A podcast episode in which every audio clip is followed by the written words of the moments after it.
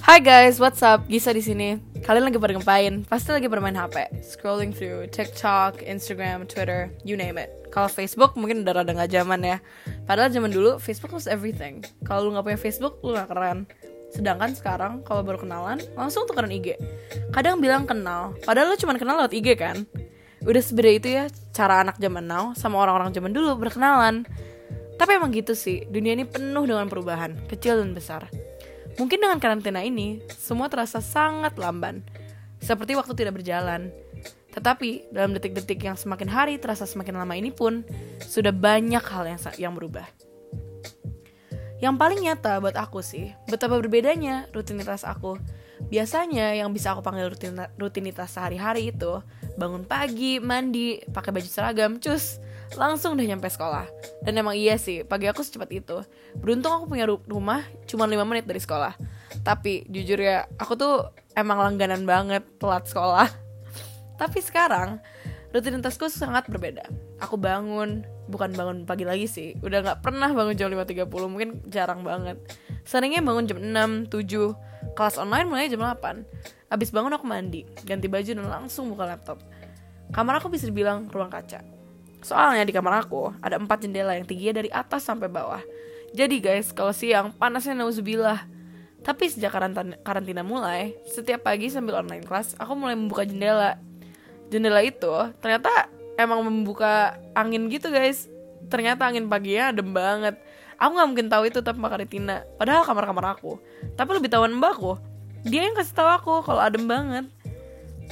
Jadi sekarang nggak panas lagi deh kalau pagi tapi siang sih masih aja.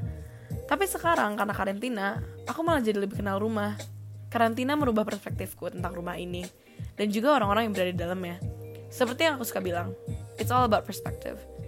Tapi selain rutinitas dan perspektifku yang sudah banyak berubah aku merasa bahwa cara berkomunikasiku dengan dunia di luar rumahku lah yang sudah paling berubah. Walaupun tidak senyata perubahan rutinitas dan gak se-life changing perubahan perspektif, tetapi Perubahan dalam komunikasi ini sudah mengubah banyak sekali hal. Bukan hanya dalam kehidupan aku, tetapi dalam kehidupan banyak orang. Bayangin guys sebelum COVID-19 ini muncul, kalau mau ngajak hangout gampang banget, bisa face to face di sekolah. Tapi sekarang keluar gerbang rumah aja kadang nggak bisa. Tapi kalau aku bilang kalian ngajaknya face to face, emang iya? Enggak kan guys, kalian pasti ngajaknya lewat chat. Mau line lah, whatsapp lah, DM lah, Sejujurnya, komunikasi face to face di zaman sekarang itu udah jarang banget. Kadang kalau lagi hangout aja masih megang HP kan.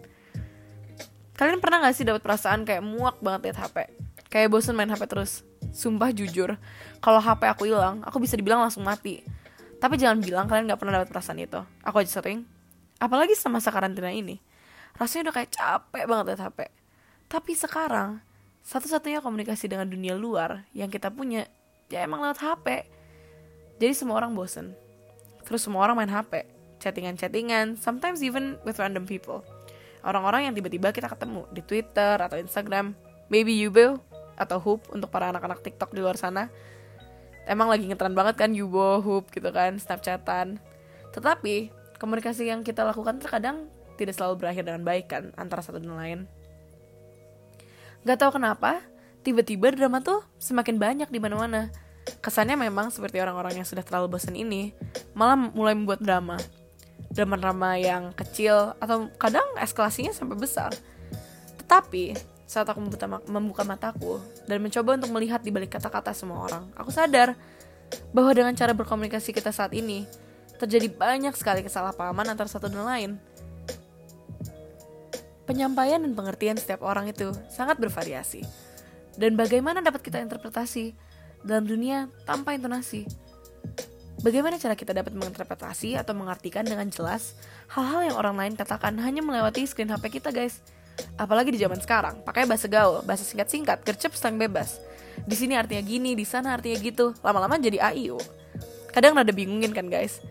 Semua orang selalu langsung jawab, berasumsi ini itu. Mengapa harus begitu? Ini kan bukan lomba ngetik, bukan juga lomba membacot. Di masa pandemi COVID-19 ini, Aku merasa bahwa pengertian antara satu dan lain itu sangat penting dan sangat dibutuhkan. Kita semua butuh teman kan? Pembuatan drama terbaru 2020 bukanlah cara yang baik untuk mengisi waktu luang. tiba-tiba mulai berantem dengan teman lah, pacar lah, keluar deh kata-kata ex best friend, ex boyfriend. Masa nanti selesai semua ini kalian malah nggak punya teman-teman atau pasangan lagi? Coba pikirin ulang. Coba baca lagi chattingan kalian. Kalau kurang jelas, coba telepon. Atau memang mungkin sekaranglah waktu untuk sadar bahwa kata-kata.